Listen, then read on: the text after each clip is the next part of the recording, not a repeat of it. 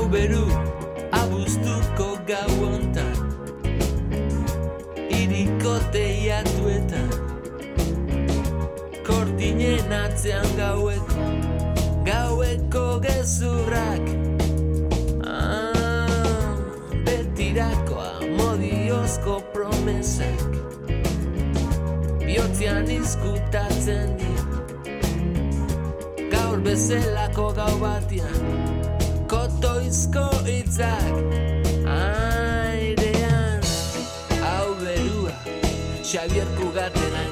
¿Qué tal estáis? Bienvenidos a la Casa de la Palabra. Hemos seleccionado tres entrevistas que las teníamos guardadas, reservadas con cariño para volverlas a remitir y este es el momento. Así escucharemos a José Ángel del Río Pellón. Él nos visitaba aquí en el estudio y llegaba desde Santoña, Cantabria. Se ha especializado en escribir libros sobre naufragios, entre ellos tiene publicado Naufragios en la costa de Guipúzcoa, un libro de 400 páginas en el que se comenta y transcriben 400 hundimientos abarca catástrofes navales desde el siglo XVI hasta la actualidad. También estuvo presente con nosotros, llegado desde León, David Flecha. Él es profesor internacional de judo, ha cruzado todo el continente americano desde Argentina hasta Alaska. Nos relata cómo hizo autostop en Estados Unidos y cómo alcanzó lugares con los que soñaba cuando era pequeño por ejemplo, con el estado de Montana, donde compartió con los Cowboys. Y también estaremos con Eider Palmao y Cherra Rodríguez, que estuvieron haciendo una travesía por Groenlandia, en donde se interesaron por el idioma inuit. Nos señalan algunos puntos esenciales de la historia de Groenlandia y en qué consistió la denominada Revolución Ártica, que puso en valor la cultura y la lengua groenlandesa después de años de prohibición. Así que Eider Palmau y Cherra Rodríguez nos llevarán a Groenlandia, nos meterán en su cultura y en su idioma, pero antes estamos hablando de este libro, Naufragios en la costa de Guipúzcoa.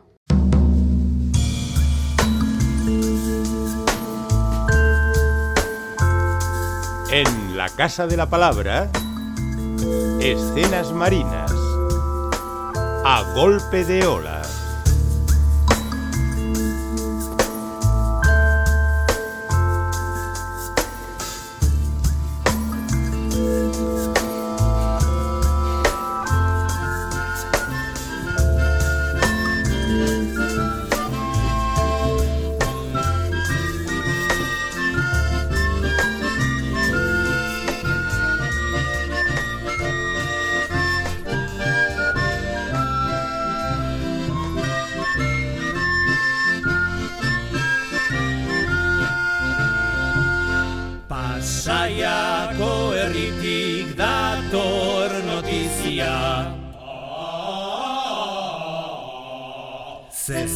Bat izan da ala genioz bizia. Kantatu zera nua biztan ikusia. Alegratzeko triste dagoen guzia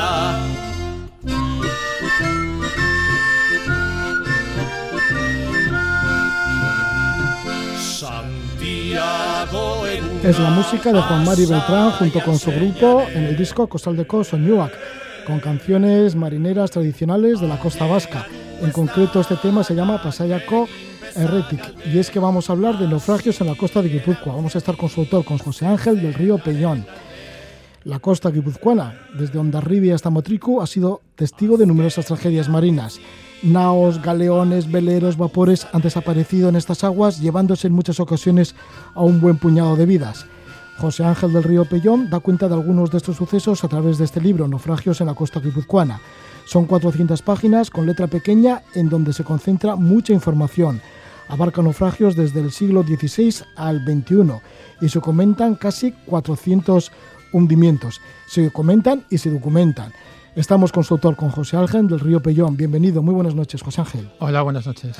Sí, José Ángel, que llegas desde Santoña, Cantabria, que es tu localidad, un puerto marinero. Igual por eso te llama la atención los barcos y también su historia, en este caso los naufragios. Sí, yo soy hijo de marinos y nieto de marinos y siempre la mar me ha llamado la atención. Y bueno, soy marino también y bueno, pues también tengo un poco de morbo porque siempre me han atraído también las tragedias, ¿no? Bien sean las guerras mundiales y, y los naufragios, ¿no? Y entonces, pues fruto de eso es este trabajo que, quiero presentar aquí a todos vosotros. Es tu tercera obra marinera, pero anteriormente tienes otro libro con el título de Tiburones de Acero, sobre la guerra submarina en la zona de Cartagena en la Primera Guerra Mundial. Y también tienes otro, Torpedos del Cantábrico, sobre la guerra submarina en el Cantábrico durante las dos guerras mundiales. Sí, efectivamente, son eh, mi especialidad. Hasta hace poco era la guerra submarina y he sacado estos dos trabajos y bueno, también saqué uno de bastante menor tirada, que es una biografía del principal eh, comandante de submarinos alemán de la Primera Guerra Mundial, Lothar Arnold de la Perrier, que se tuvo muy poca, eh, eh, una edición muy, muy corta. Pero bueno, ya te digo que esto, la guerra submarina le cambió por los naufragios y bueno, pues que soy especialista en, en, los dos temas, ¿no? Y bueno, pues es mi hobby, mi pasatiempo y el tiempo que me queda libre pues me dedico a la investigación por lo que se ve en este libro de naufragios en la costa de Guipúzcoa y otros proyectos que tienes. Por ejemplo, estás preparando también uno sobre naufragios en la costa de Vizcaya. ¿Vas a tirar por todo el Cantábrico en busca de estos naufragios? Sí, efectivamente. Ya estos dos trabajos están muy... Bueno, ya está eh, a la venta ya el naufragios en la costa de Guipúzcoa. Naufragios en la costa de Vizcaya quiero que salga el próximo año, si es posible y va a ser también una sorpresa porque es impensable la cantidad de naufragios que ha habido en la costa vizcaína, sobre todo aquí en el área de Bilbao. Prácticamente de los 600 o 700 naufragios que voy a comentar en este trabajo sobre Vizcaya, casi la mitad son aquí en el área de Bilbaína. Ha habido cantidad, cantidad de siniestros. Y bueno, pues va a ser una sorpresa para muchos la cantidad de, víctimas que ha habido, ¿no? bergantines, goletas, pataches, cantidad de navíos que han ido al fondo aquí en, la, en la costa de Vizcaya y sobre todo aquí en el área de Bilbao, en, en, la barra de, Portugalete. En cuanto a naufragios en la costa de Guipúzcoa, que ya lo encontramos, ya puede estar, ya está en librerías y ya está en la calle, ¿cuáles son los puertos principales en donde más naufragios ha habido? Pues principalmente son eh, San Sebastián y Pasajes. Pasajes presentaba una problemática eh, que era que el su estrechez y que las manchas y tal, eh, pues hacían que, que son acantilados prácticamente de roca, hacían que rompía la mar por todas las direcciones en ese canal tan estrecho de pasajes ya se han dado también muchos naufragios, en San Sebastián también. El problema de San Sebastián era que la mar entraba prácticamente eh, eh, sin parar hasta prácticamente el puerto, ha habido muchos barcos que incluso han naufragado en puerto y además que barcos que estaban fondeados, ahí se formaba ahí en la concha un tutum revolutum que garleaban las anclas y el barco se iba irremediablemente a la concha a allí.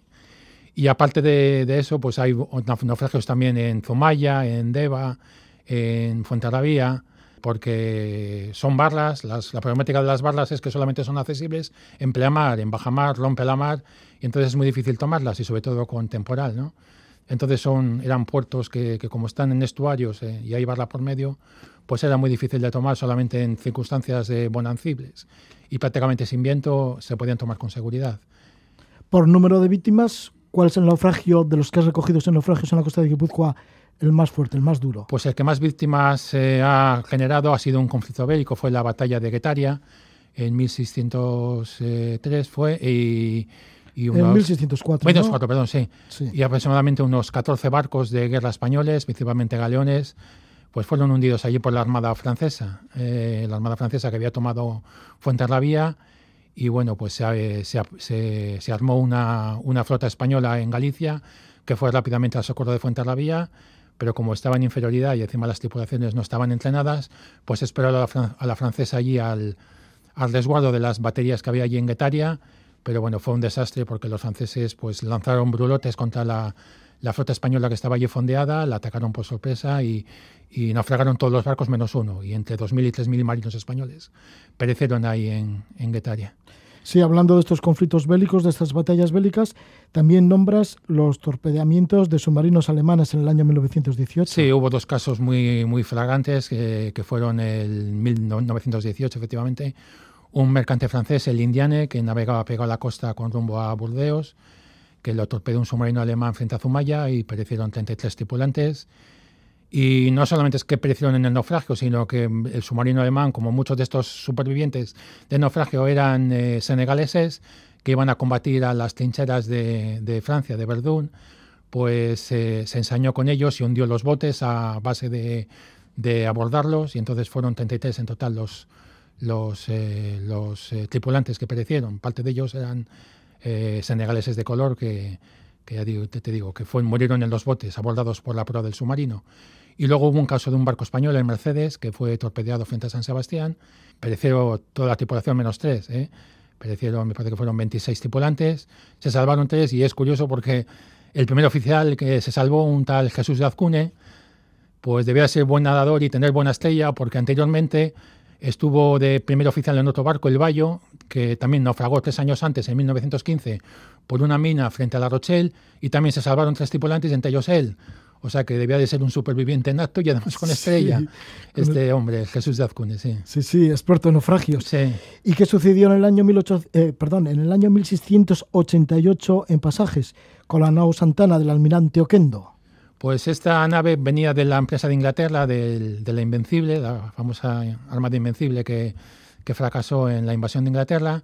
Y entonces cuando estaba eh, restañándose las heridas en pasajes y estaba siendo revisada, pues una explosión de la Santa Bárbara y cuando estaba fondeada, pues causó su hundimiento y, casi un centenar de, de marineros perecieron ahí. ¿eh?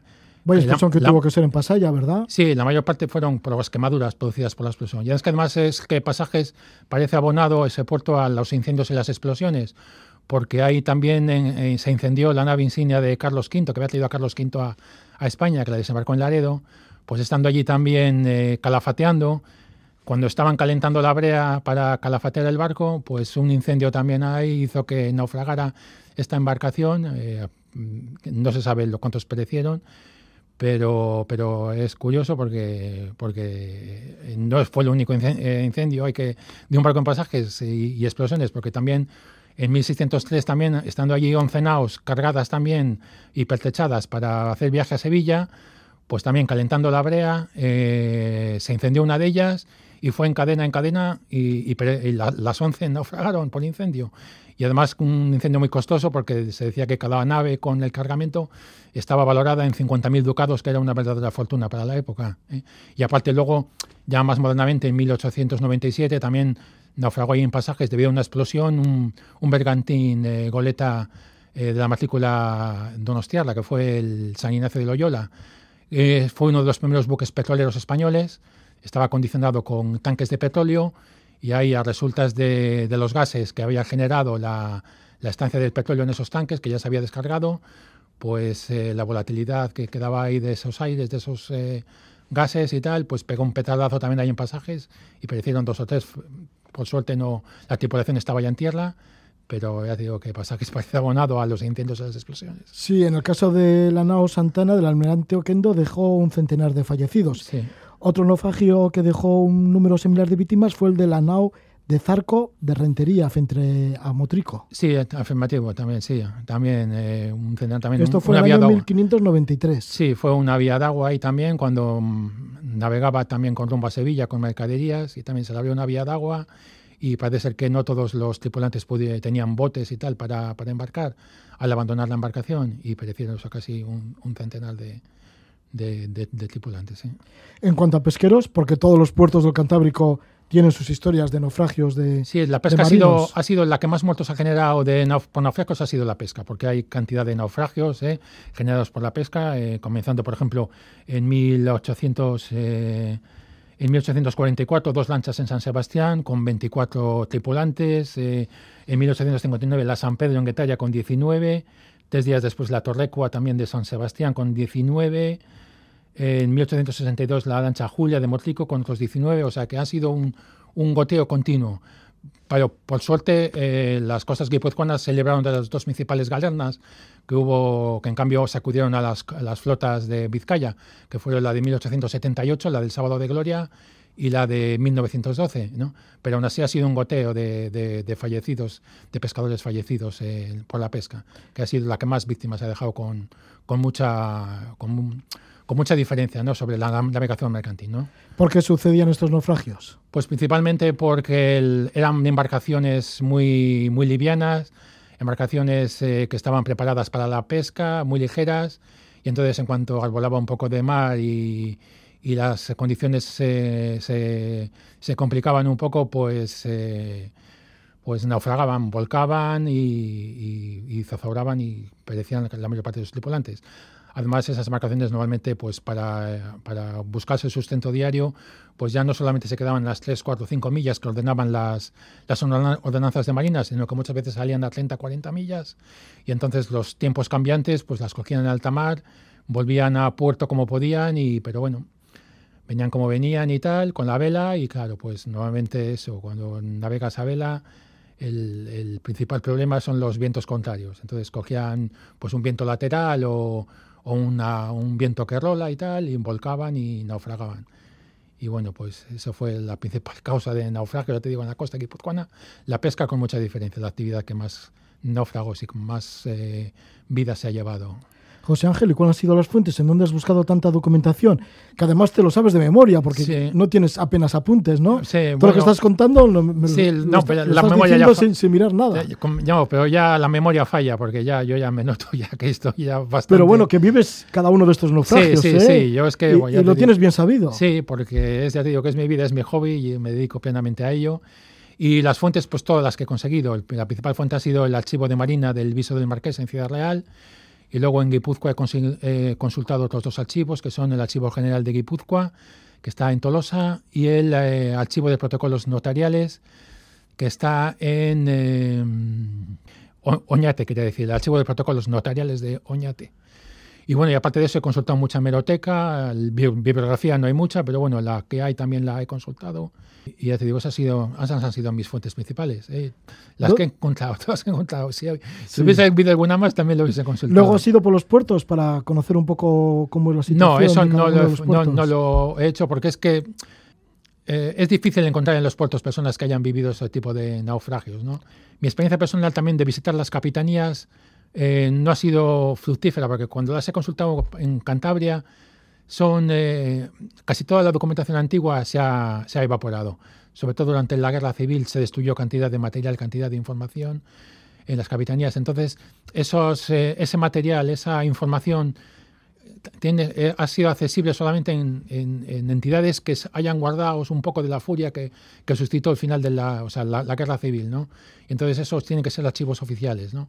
Porque te digo, es que en la guerra civil, eh, sobre todo aquí en el Cantábrico, se hizo un, un barrido de toda la documentación y prácticamente queda muy poco. ¿no? Ya, qué pena.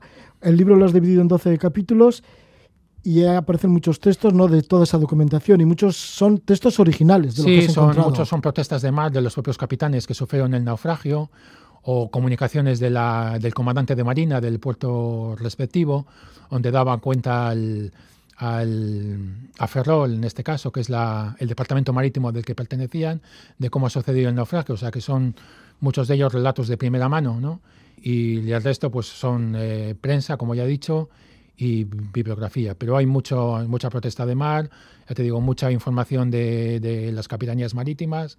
O sea, que está plenamente documentado y yo la verdad es que estoy satisfecho. Incluso he encontrado más eh, información a una, una búsqueda que realizó hace unos meses en, en plena pandemia en el Archivo General de Simancas, donde tengo más información sobre naufragios. Y entonces, si saco una nueva edición, pues la, la volcaré, porque hay otros naufragios también muy interesantes. He encontrado un, un naufragio de un bergantín en mil, eh, mil, eh, 1861. 1761 en San Sebastián. 1700 o 1761. Ah, 1761. Sí, que volvía de arribada por mal tiempo a San Sebastián con una compañía de. con un batallón, perdón, de infantería de, de Mallorca y cuando volvía pues dio las peñas ahí en frente a San Sebastián y perecieron casi un centenar de, de, soldados y de tripulantes de este bergantín. Y luego también, por ejemplo, también unos años después, en 1782, una fragata francesa también que venía a San Sebastián, también naufragó ahí en, en las peñas, ahí entre, entre Pasajes y, y San Sebastián, también con otra treintena también de, de ahogados. O sea que, bueno, que que yo sigo investigando y, y, y, sigo encontrando cosas y bueno, pues que a ver si consigo actualizar eh, este, este libro y, y, dar información más actualizada. Sí, que se, da, que se venda bien naufragios en la costa de Guipúzcoa para que haya una segunda edición. Este libro que lo podemos encontrar en las librerías Elcar, también por ejemplo en Bilbao está en la librería Izaro, que es de literatura sí. náutica esta librería. También está en el Chas Museum de Bilbao y en el Museo Marítimo de Donosti. Correcto, sí. Muchísimas gracias por estar con nosotros, por venir desde Santoña. A ti por darme esta oportunidad. Ha sido muy gentil por venir desde allí, José Ángel, desde Cantabria, para hablarnos de este libro, Naufragios en la Costa de Guipúzcoa. Estamos con José Ángel del Río Pellón. Gracias y que te vaya bien. A ti, gracias.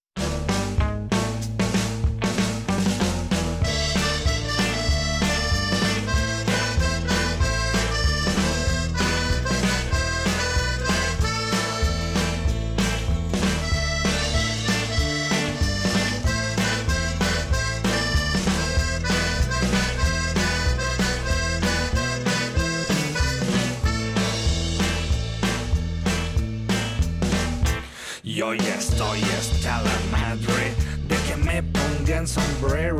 Escucha entonces cuando digo, no me llames frijolero. Y aunque exista algún respeto, no metamos las narices. Lo que inflamos la moneda, haciendo guerra a otros países. Te pagamos con petróleo o intereses nuestra deuda. Mientras tanto no sabemos quién se queda con la feria. Que nos hagan la fama de que somos vendedores de la droga que sembramos. Ustedes son consumidores. Don't call me gringo, you fucking beaner. Stay on your side of the goddamn river. Don't call me gringo, you beaner. No me digas beaner, Mr. Puñetero Te sacaré un susto por racista culero No me llames frijolero, pinche gringo puñetero el tema frijolero, lo hace el grupo Molotov, una canción que escuchaba bastante nuestro invitado, que es David Flecha, se conoce como Flecha, en su recorrido por todo el continente americano, que fue desde Ushuaia hasta Anchorage en Alaska, desde lo más al sur al más al norte, pues conoció un montón de gente, entre otras un convoy, un cowboy de Montana, pues que escuchaba esta canción. Le damos la bienvenida a David Flecha. ¿Qué tal estás, David? Bienvenido, muy buenas noches. ¿Qué tal, Roge? Encantado de estar aquí. Bueno, encantadísimo nosotros porque vienes desde León como una flecha, porque te llaman flecha, no, también es flecha, pero te llaman flecha, y vienes desde León pues para compartir esta, esta conversación con nosotros. Bueno, aparte de conocer el País Vasco y ya sé que también nos está por el Pirineo y demás, pero bueno, te agradecemos un montón que pares por lo menos a estar con nosotros.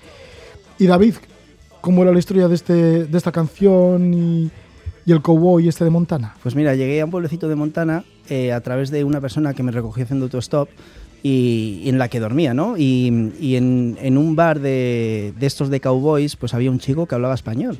Curiosamente, entre todos aquellos americanos solamente lo hablaba uno. Y comenzó a hablar conmigo. Y, y fue curioso porque eh, la casa de la persona donde yo me estaba alojando, al final resultaba que era un hombre que, aparte de su trabajo, pues vendía droga. Y claro, y este chico me lo dijo, dice, ten mucho cuidado porque estás en casa de este tipo y igual te puedes buscar un problema porque este tipo se dedica a esto y demás. Y en ese momento fue cuando él me invitó y me dijo, mira David, si quieres, puedes venirte a mi casa y te puedes quedar unos cuantos días. Y, bueno, hablando un poco de que me gustaba mucho el estado de Montana y demás, pues él me ofreció acompañarle para cuidar a sus yeguas, para, para atender su ganado, para regar el campo y demás. Y, y, allí cogí, cogí las maletas, me fui para su casa y fue fantástico porque estuve durante casi una semana pues ayudándole a todos esos, esos esas labores y luego pues haciendo, imagínate, eh, hogueras y parrilladas al aire libre escuchando esta canción casi a diario. Sí, porque te gustaba estar allí en el estado de Montana, porque era uno de tus objetivos en esta travesía del continente americano? Pues esto viene desde muy pequeño. Yo pescaba cuando era niño y había una película que se titula El, río, el, río de la vida. Y es una película que, que se rodó en Montana. Y claro, no sé, me veía dentro de esa película, dentro de ese sueño y siempre quise llegar a ese estado. Y la verdad es que cuando llegué allí tenía la sensación de que me sentía en casa. Veía alrededor y decía, digo, esto es muy parecido a lo, a lo que veo yo cuando estoy en León, pero un poco más grande todo, ¿no? Y no sé, era, era un lugar como muy, muy auténtico, muy salvaje, muy virgen. Es el mundo de los cowboys también. Sí, es lo un que mundo... hemos visto en las películas y así. Sí, tal van cual. a caballo todavía. Exacto, tal cual. Si te metes un poco en la zona de interior y sales de las grandes ciudades como Elena o, otras, eh, te puedes encontrar esa vida, esa vida de cowboy en la que la gente se, se, mueve a caballo, se mueve en camionetas donde en la parte trasera tienen las cañas de pescar, tienen los rifles, tienen las pistolas en, en la cartuchera y además te pueden contar historias. Por ejemplo, este chico tenía una cabeza de oso en su casa porque hace ya como un año le había atacado un oso negro mientras estaba recogiendo los huevos de sus gallinas, ¿no? Y claro, pues tuvo que sacar el, el, arma y matarlo en ese momento allí. Y bueno, te cuentan mil historias. Hay, hay muchísima vida relacionada con la caza, con la pesca, con, con la ganadería y, y es alucinante. Es, es, como estar dentro de una película. También estuviste en el estado de Reno. Sí, estuve en el estado de Reno antes de llegar a Montana. Y, y bueno, pues la verdad es que, bueno, el estado de Nevada, cuya capital creo que es Reno. Ah, sí, perdona, ¿eh? No, no. Y, y bueno, pues no sé, un estado totalmente diferente porque, no sé, hay una carretera que cruza casi todo el estado, súper desértica, a los dos lados de la carretera, con muchísimo calor y bueno, parece como que toda esa sequía que hubo en la zona de, de Nevada luego terminó y llegó la humedad de Montana y como que bueno, tuviste ahí ese contraste, uno tiene ese contraste donde, donde casi lo necesita, ¿no? Regarse de, de esa humedad. Sí, en Reno que todavía queda bastante herencia vasca. Muchísima. Hay un pueblo en mitad del estado que se llama Elco. Elk significa, es como ciervo, es un ciervo rojo grande que además se caza mucho por allí y cuya carne está riquísima porque me la dieron. Y hay un pueblo que se llama Elco y es curioso, está en mitad de, creo que es la carretera 80, la Nacional 80. Y aún siguen teniendo, se ve que hubo muchos pastores hace muchos años que, bueno, hay que decir que los vascos estáis por todo el mundo porque todo el mundo que le decía que era español siempre me preguntaban si era del País Vasco. Y era porque ellos conocían a alguien o habían vivido cerca de alguien que había sido vasco. Y eso, y en Elco, pues es un pueblo que está en mitad de Nevada y donde aún siguen haciendo las mismas costumbres que, tenéis aquí, de eh, festival de no sé qué, donde se corta leña, se levanta piedra, etcétera, etcétera. Y vas y es que en vez de ser bares americanos son tascas. Son tascas vascas. ¿Cómo ibas conociendo todo esto? Porque al emplear el autostop te obligaba también a relacionarte con la gente para que te contaran sus historias. Sí, mira, Sí, porque parte del viaje lo has hecho en, autos- en autostop. sí, No sé si por Sudamérica, Centroamérica y América del Norte. Partes de Sudamérica sí, pero por ejemplo Norteamérica lo hice todo en autostop. Y cuando estás haciendo autostop, pues te obligas a relacionarte con la gente. con la gente. No es como cuando viajas en tu moto o en tu coche que no tienes la necesidad de apoyarte de otra persona que te pueda ayudar a llegar a otro destino, etcétera, etcétera. Entonces, claro, en cuanto alguien te recoge y entras dentro de ese círculo tan personal que es que te permita meterte dentro de su coche, pues directamente eh, la conversación fluye. Entonces, por lo general la gente que te recoge es gente abierta, de mente abierta, que quizás le apetezca ayudarte o le apetezca conocerte y así. Y ahí es donde empiezan a surgir todas estas cosas que luego te pasan por el camino. Ya, como los personajes que has conocido. También creo que has conocido a gente que venía, que estuvo en la guerra de Vietnam. Sí, sí, eso fue muy curioso porque... Antiguos en- soldados. En Estados Unidos me encontré muchísima gente que había formado parte del ejército de Vietnam y casi todos ellos eh, tenían alguna falta física, estaban de alguna forma o eran cojos o tenían un brazo que ya no les funcionaba y cosas así. Y cuando llegué creo que era Twin Falls, era como una como un cruce muy famoso de Nevada, me recogió un hombre, además en un, en un supercoche, no sé si era un Bugatti, un supercoche de estos superdeportivos. Y claro, y el, y el hombre mientras yo iba en el coche, pues me iba contando historias. Él no se había apeado del coche, me iba contando historias de que había formado parte de la guerra de Vietnam, de que habían estado peleando contra no sé quién. O sea, lo que veías en las películas me lo estaba contando este tío, que yo me creía de la misa a la mitad. Pero claro, cuando de repente el tipo se pone su gorra de Vietnam, porque esos son, o sea, súper super afines a, a América y al tío Sam. Y eso, se pone su gorra de Vietnam, baja del coche, fuimos allá a, a tomar un refrigerio, se pone su cazadora, donde ponía, ponía su nombre, su número y demás, y claro, y le veía, le veía caminar, eso, como arrastrando un pie. Y digo, coño, pues todo lo que me ha contado pues va a ser verdad. Sí, y en Alaska, ¿con qué tipo de personas te has encontrado? Bueno, ya de antemano tenías un amigo, un viajero que le conociste en Panamá, que era de Alaska, Sí, que se dedicaba además a estar medio año recorriendo el mundo. sí.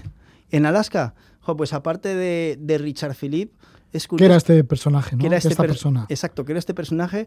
Es muy curioso porque en, en Alaska aún sigue, sigue, sigue habiendo eh, habitantes que son de los antiguos, eh, no sé si decir inuits o esquimales. Y, y, por ejemplo, puedes, puedes, eh, puedes entrar en un, en un hospital que es solamente para ellos. Y, y el hospital, aparte de ser el hospital en sí, es una, es una galería de arte, donde ves cómo, cómo con, con, con los colmillos de los narvales o con los colmillos de las focas o, o sea, de, la- de las morsas o con la piel de las focas, ellos hacían pues su ropa y hacían sus, sus, sus figuritas y demás.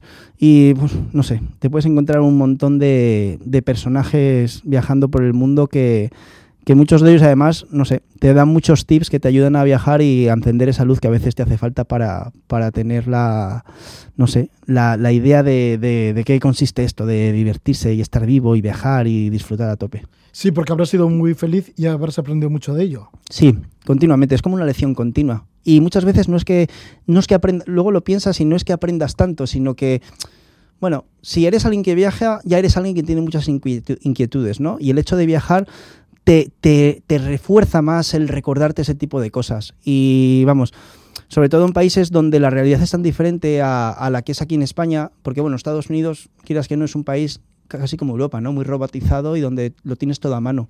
Pero hay otros países que son extremadamente pobres y ahí es donde te das cuenta de verdad de, las lecciones de la vida, de lo duro que, a veces, que es a veces todo y de lo afortunado que eres estando en un país como España con, con, con las cosas que tenemos a, día, a diario. Sí, porque David, hay que decir que tú pertenecías al equipo nacional de judo, que eras deportista de élite, y fue en el año 2014 cuando probaste suerte yéndote a California con solo 120 dólares y saber qué es eso de conocer mundo, ¿no? Y bueno, te defendiste bastante bien porque estuviste tres meses en California y estuviste trabajando. Y luego a partir de ahí pues te trasladaste a Medellín, en Colombia, donde pasaste casi dos años trabajando como entrenador de judo y también has trabajado de judo, de entrenador de judo en los Emiratos Árabes, también en Lima, en Lima te tiraste 10 meses. Sí. Bueno, en, en Medellín como casi dos años, ¿no? Sí, estuve alrededor de, fueron como, sí, un año y creo que diez meses. Así que te ha servido también esto de trabajar como entrenador de judo para conocer las diferentes realidades. La de Medellín, la de Lima, la de los Emiratos Árabes. Muchísimo. Mira, el judo tiene una cosa que, a diferencia de otros deportes, bueno, yo creo que ya lo he dicho en otras entrevistas, para ser judoka hay que estar un poco loco. Y muchas veces eh, eh, los deportes te definen, ¿no? Hay deportes que son más cíclicos, más simples, y esa gente es de una forma de ser muy diferente. Los judokas somos muy echados para adelante, porque es que estamos cayendo continuamente. Y si te caes no te queda otra más que levantarte, eh, apretar los dientes y decir, la próxima te la vas a comer tú. Y yo creo que eso hace que, que uno quiera seguir hacia adelante, que no le importe caerse mil veces, porque siempre hay una- un motivo para levantarse. Y ser entrenador de judo y ser judoka me ha servido para eso, para, para mira, para embarcarte en una cáscara de nuez y, y apostar porque las cosas, pues el día de mañana puedan ser mucho mejor, incluso aquellas que, que más desconoces. ¿Qué, te, qué decías a tus, a tus alumnos de, de Lima? Pues mira, la verdad es que a- muy aparte de lo que puedas enseñar eh, en cuanto al judo, hay una cosa que prima sobre todo eso y es la confianza. Cuando tú eres entrenador de un grupo de jóvenes, o sea, tienes que, tienes que ser el espejo en el que se miren. Y para mí era fabuloso porque con muchos de los alumnos ya llegabas a tener una relación eh, mucho más allá de, de- un entrenador. Entonces esa confianza es que, la que hace luego que, que ellos confíen en ti, que te quieran preguntar, que tengan curiosidad y que bueno, que de vez en cuando vayas dando tips de las cosas que tú has vivido y que sabes que ellos que son más jóvenes y van detrás de ti pueden aprovechar y, y sobre todo que no pierdan, no sé, yo, yo, yo me empeñaba mucho en hacerles disfrutar cada cosa que hicieran, porque si no, po- por mucho que consiguieras, muchas medallas que consigues, al final no te acaba mereciendo la pena. Como profesor en tan diferentes lugares, pues habrás llegado a captar por lo menos la psicología de estos alumnos, de sus padres, de la gente de, de la ciudad, tanto de Lima como de Medellín, como de los Emiratos Árabes. ¿Cambia mucho entre los Emiratos Árabes y lo que has conocido en Sudamérica? Fua, mogollón, mogollón. Además que para mí Porque fue- cuando ibas mm, recorriendo América del sur a norte, Sí. sí. que, por ejemplo, en una época te llamaron pa- pa- para dar clases de entrenador allí en los Emiratos Árabes, entonces dejaste de momento el, el recorrido te fuiste para allí. Luego volviste de nuevo a caminar por América. Sí, fue, es un contraste, eh, o sea, brutal. Y es un contraste brutal porque la idiosincrasia de la gente de países de Sudamérica es muy diferente a un país como Emiratos Árabes donde, donde o sea, los niños están, ya no solo es que estén malcriados, porque tienen de todo, sino que es que están, eh, ¿cómo decírtelo? Están, eh, no sé, en una sociedad en la que tienes absolutamente todo, no existe la, mm, no existe la cultura del esfuerzo. Yo, por ejemplo, me ocurría, daba clases a un niño que era el hijo de un jeque. Y esto del judo es curioso cómo te puede abrir fronteras y puertas, porque la ideología de, la gente de Emiratos Árabes, pues imagínate, un hombre no puede tocar a una mujer. Y el judo, claro, el judo requiere contacto físico. Y recuerdo la primera clase de judo, donde estaba el hijo de este jeque, que estaba su mamá viendo la clase, y había una chica dentro de la clase y me dijo, disculpa, pero es que hay una mujer dentro del tatami y, y mi hijo es un chico. Y yo le dije, digo, mire señora, sí, pero esto es judo y da igual la religión, da igual la cultura que usted tenga, que dentro del tatami somos todos iguales. Y lo más curioso es que te das cuenta cómo el judo puede abrir fronteras porque al cabo del tiempo a la madre ya no le importó que su hijo estuviera haciendo judo con, con esa niña, que la cogiera, que la... O sea, porque en realidad en judo hay un contacto muy, muy firme, muy íntimo. Y entonces eso pasó como un segundo plano. Y yo creo que, que lo bueno que tiene este deporte es eso, que te abre fronteras y que ese contacto físico te abre psicológicamente. David, y dos escenas. Una cuando estuviste cinco días en una cabaña en Alaska, Sí. Que no debías tener ni luz ni agua. Sí. Y otra, por ejemplo, en la Amazonía. No sé si boliviana, peruana. Sí, bueno, esa, la, de, la de Alaska, pues imagínate, ¿no? Te, te exilias del mundo, te exilias de todo, no tienes agua, no tienes luz, parece como, como una etapa esas en las que te vas a meditar solo, pero bueno, yo cogía mis libros y leía, por la noche dormías, por de día pues observabas lo que había alrededor y vivías como, como un ermitaño. Y la otra, pues por ejemplo, eso, en, en el altiplano boliviano o en la selva entre Perú y Bolivia, pues la de cosas que te pueden pasar cuando estás yendo a lugares como Aguascalientes, cruzando la frontera por atascadero entre, entre Perú y Bolivia, con las diarreas que puedas pasar, con el tema de la, no sé, de la altura, de la temperatura, del frío, del estrés y bueno, mil, mil anécdotas. Mil anécdotas, algunas de ellas, bueno, no es que se cuenten, pero sí que se pueden ver en un libro que lleva el título de América fotografiada, América del Sur y Centroamérica, del propio David Flecha, con unas fotografías muy bonitas de la primera parte del recorrido, porque hiciste dos grandes etapas, una que te llevó desde Ushuaia hasta mm, Yucatán, ¿no? Mexicano. Sí, exacto. Luego ya fuiste a los Emiratos Árabes, también estuviste trabajando en Lima como entrenador y luego ya retomaste de nuevo el camino desde México hasta Alaska, recorriendo pues buena parte de Estados Unidos. Canadá ya te lo pasaste más rápido, sí. pero bueno, luego disfrutando de Alaska en donde tienes buenos amigos. Muchísimas gracias por estar con nosotros, David Flecha, conocido como Flecha, llega desde León, llega con su moto, aquí están los cascos, la mochila, todo. Bueno, que disfrutes por tu estancia aquí en el País Vasco y mucho, muy amable, mucha amabilidad has tenido por acercarte a este programa, La Casa de la Palabra. No, muy feliz de poder estar con vosotros y espero volver a repetir más adelante.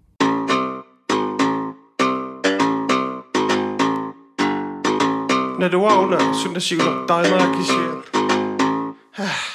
هسه غشمي وقدام هسه غشمي وقدام هي اغنياتكم وتغضبكم making you لمي ليكا غصب نادا مين سني صنعتو ليه سبون بويو غلخلو قاع اوغا تو تو سين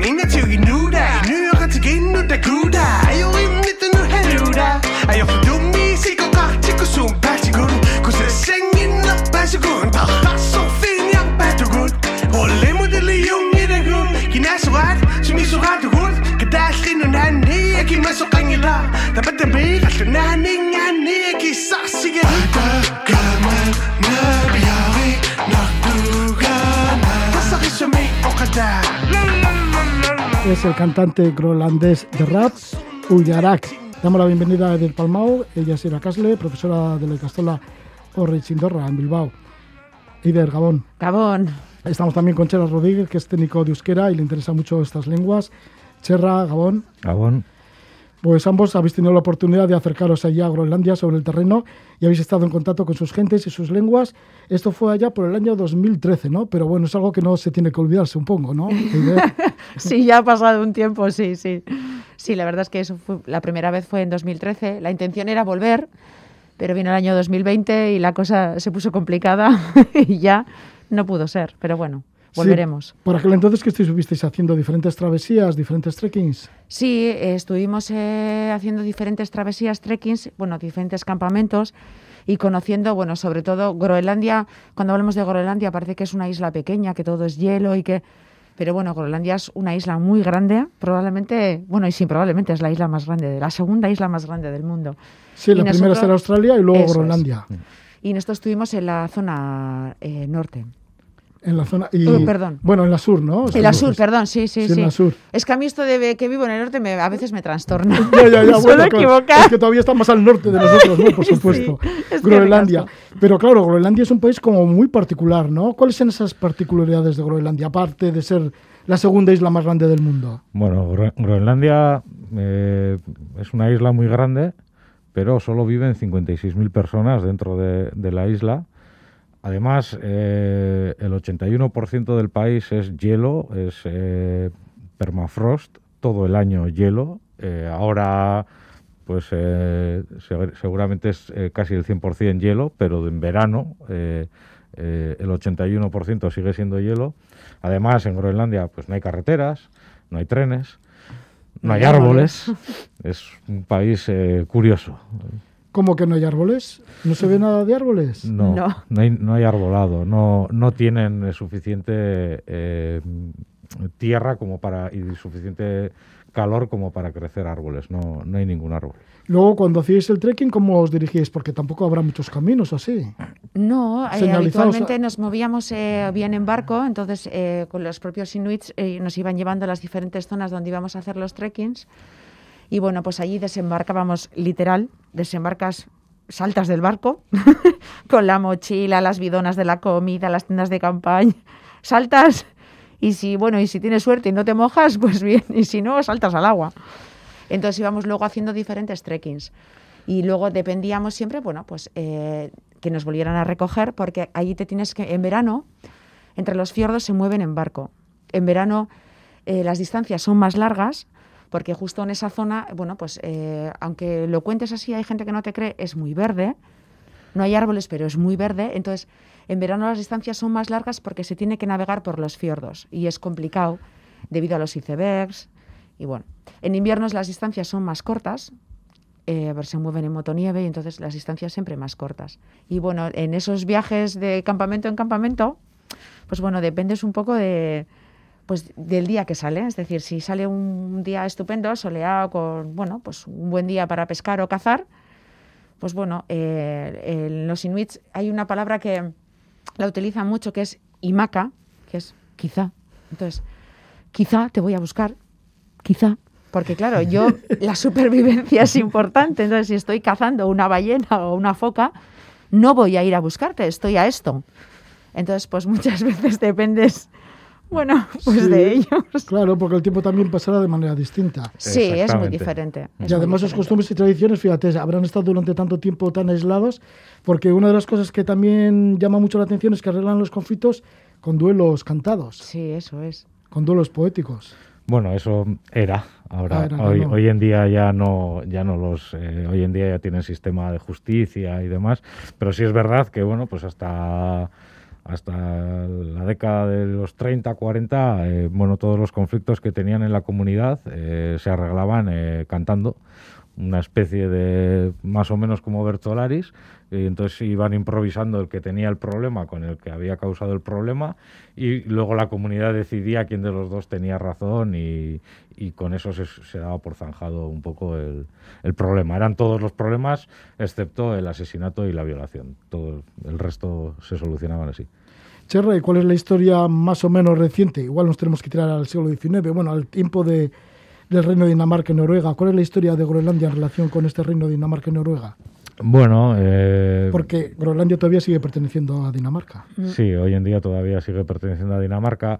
Bueno, eh, eh, hace 300 años exactamente, porque fue en 1721, llegaron las primeras colonias eh, danesas y noruegas a, a Groenlandia, que fundamentalmente eran eh, bueno, pues curas que iban a, a cristianizar a, los inuits.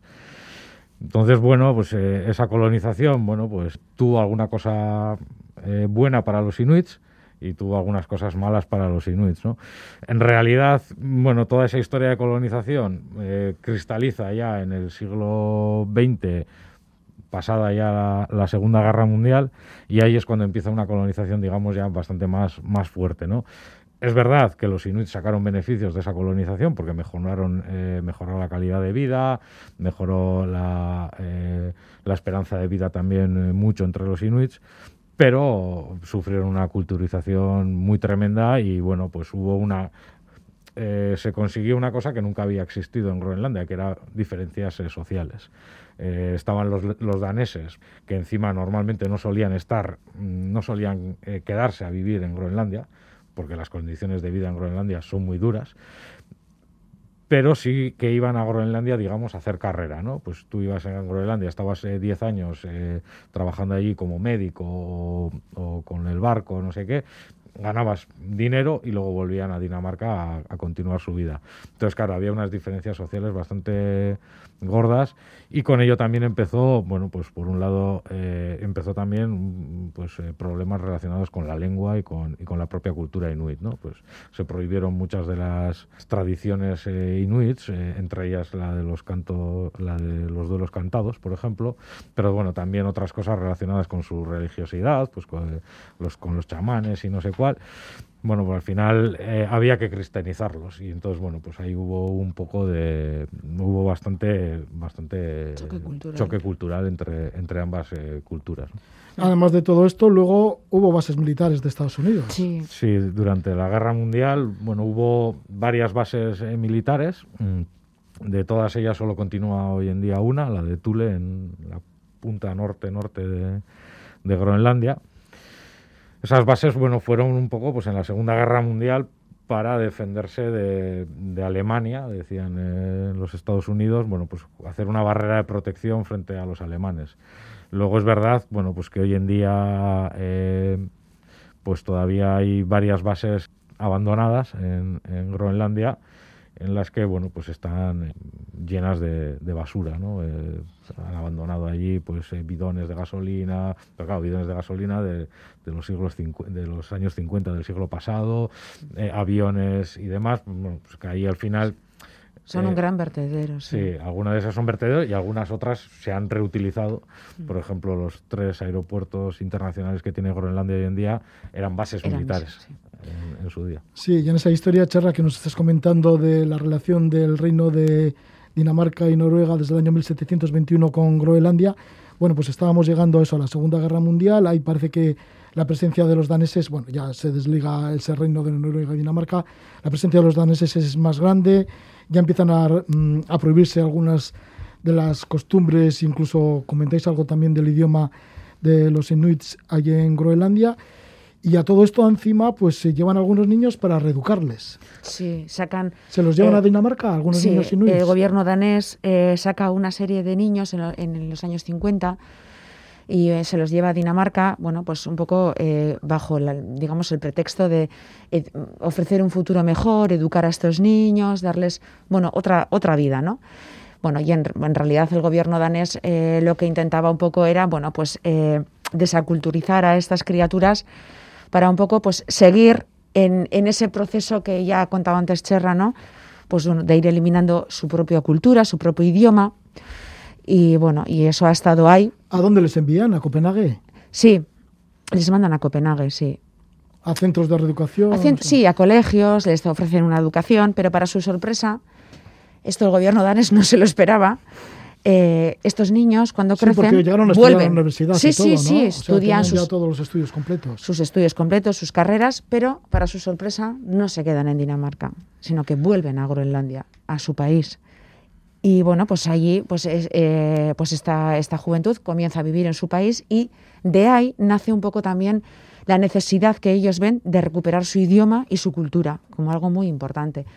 Y es curioso porque eso ha sido una anécdota, digamos, que ha quedado ahí, estaba en el libro de la historia que nadie quería reconocer muy bien y yo creo que incluso el gobierno danés negaba, pero resulta que el año pasado, eh, hacia finales de- del 2020, en diciembre del 2020, el gobierno danés pide perdón al pueblo groenlandés por haber hecho esto.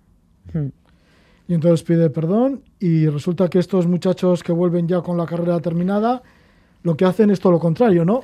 Promocionar todavía más la cultura inuit. Eso Sí, es. un poco eh, esos que volvieron se convirtieron en la élite, digamos, eh, político-cultural de, de Groenlandia. Y así se crea la revolución ártica que llaman. Y así se crea la revolución ártica que llaman, que bueno, el primer, digamos, bueno, el, el año que ponen de comienzo de la revolución es 1973, que es el año en el que Groenlandia hace el Brexit eh, de la Unión Europea. El Eh, primero. se, se mar- se marcharon de la Comunidad Económica Europea, bueno, pues porque era un, un tratado que fundamentalmente les, les venía muy mal a los, a los inuits por el tema de, de las cuotas de pesca y demás. Y bueno, más o menos eh, el segundo paso más potente, bueno, es en el año 1979, que es el año en que, que Groenlandia consigue eh, la autonomía respecto a, Dinamarca. Eh, consigue- ahí se celebra el primer referéndum y bueno, pues ya ahí empieza un poco el cambio, ¿no? Entonces el cambio se está fundamentado eh, principalmente en bueno, cambiar un poco con el paso de los tiempos las estructuras, digamos, eh, sociales de, Groenlandia, de tal manera que sean los propios inuits los que se eh, autogobiernen a sí mismos, ¿no? Hay que tener en cuenta que en Groenlandia más o menos todas las profesiones, digamos, altas, no sé cómo decirlo, unas, las profesiones más técnicas estaban ocupadas todas por daneses, como pueden ser médicos, profesores, eh, bueno, capitanes de barco y demás, eran todo eh, daneses. Entonces, una de las cosas que empieza a, a promocionar Groenlandia es nosotros tiene que tiene que ser nuestra propia gente la que sean médicos, los que sean profesores, los que sean bueno pues todos los cargos de, de la administración, etcétera, etcétera. ¿Y cómo ha quedado el idioma a través de esta revolución ártica desde entonces hasta ahora? ¿Se ha creído en su idioma? ¿Han creído en su propio idioma? ¿Lo están desarrollando? ¿Se enseña en las escuelas? Sí. Sí, bueno, en estos momentos, eh, bueno, pues en Groenlandia eh, el 97% de la población sabe eh, Kalaallisut, eh, sabe groenlandés. El 3% ese, pues bueno, eh, son muy pocos, quiero decir, un 3% de 57.000 sale a, a muy poca gente. Y muchos Eh, son daneses. Y muchos son daneses y, que, y gente que está de paso o que está trabajando en diferentes eh, historias. ¿no? Entonces, sí es verdad que hoy en día mm, en Groenlandia, desde que comienza la escolarización hasta los 18 años, es posible, bueno, es posible no, todos los niños estudian en, en groenlandés con inglés como segunda lengua y danés como, como tercera digo tercera por el orden en el que empiezan a, a estudiar, ¿no? Empiezan eh, a los nueve años empiezan inglés y a los doce empiezan eh, a estudiar danés, ¿no? Eh, y hoy en día, bueno, pues eh, la administración, por ejemplo, la- toda la administración local eh, de Groenlandia funciona únicamente en groenlandés, excepto justicia, porque es la única competencia que en estos momentos eh, no, no gestiona Gro- Groenlandia. Bueno, justicia y defensa son las dos únicas competencias que en estos momentos Groenlandia no, no tiene. Y bueno, pues toda la administración local está únicamente en groenlandés, mm, eh, toda la señalización de calles está únicamente en groenlandés, etcétera, etcétera. Todos los ayuntamientos, todas las actas y no sé qué, pues hace todo en groenlandés.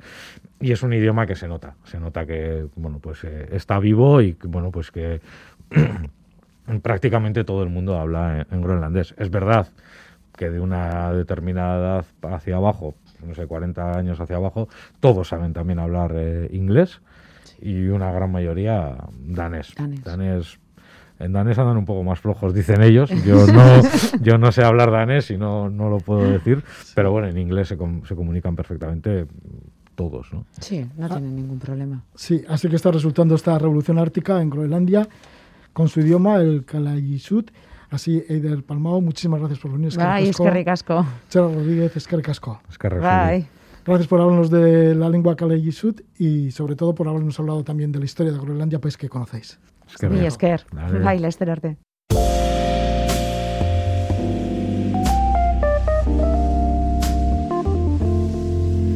Eider Palmao y Cherra Rodríguez hacen referencia al idioma y a la cultura inuit en Groenlandia.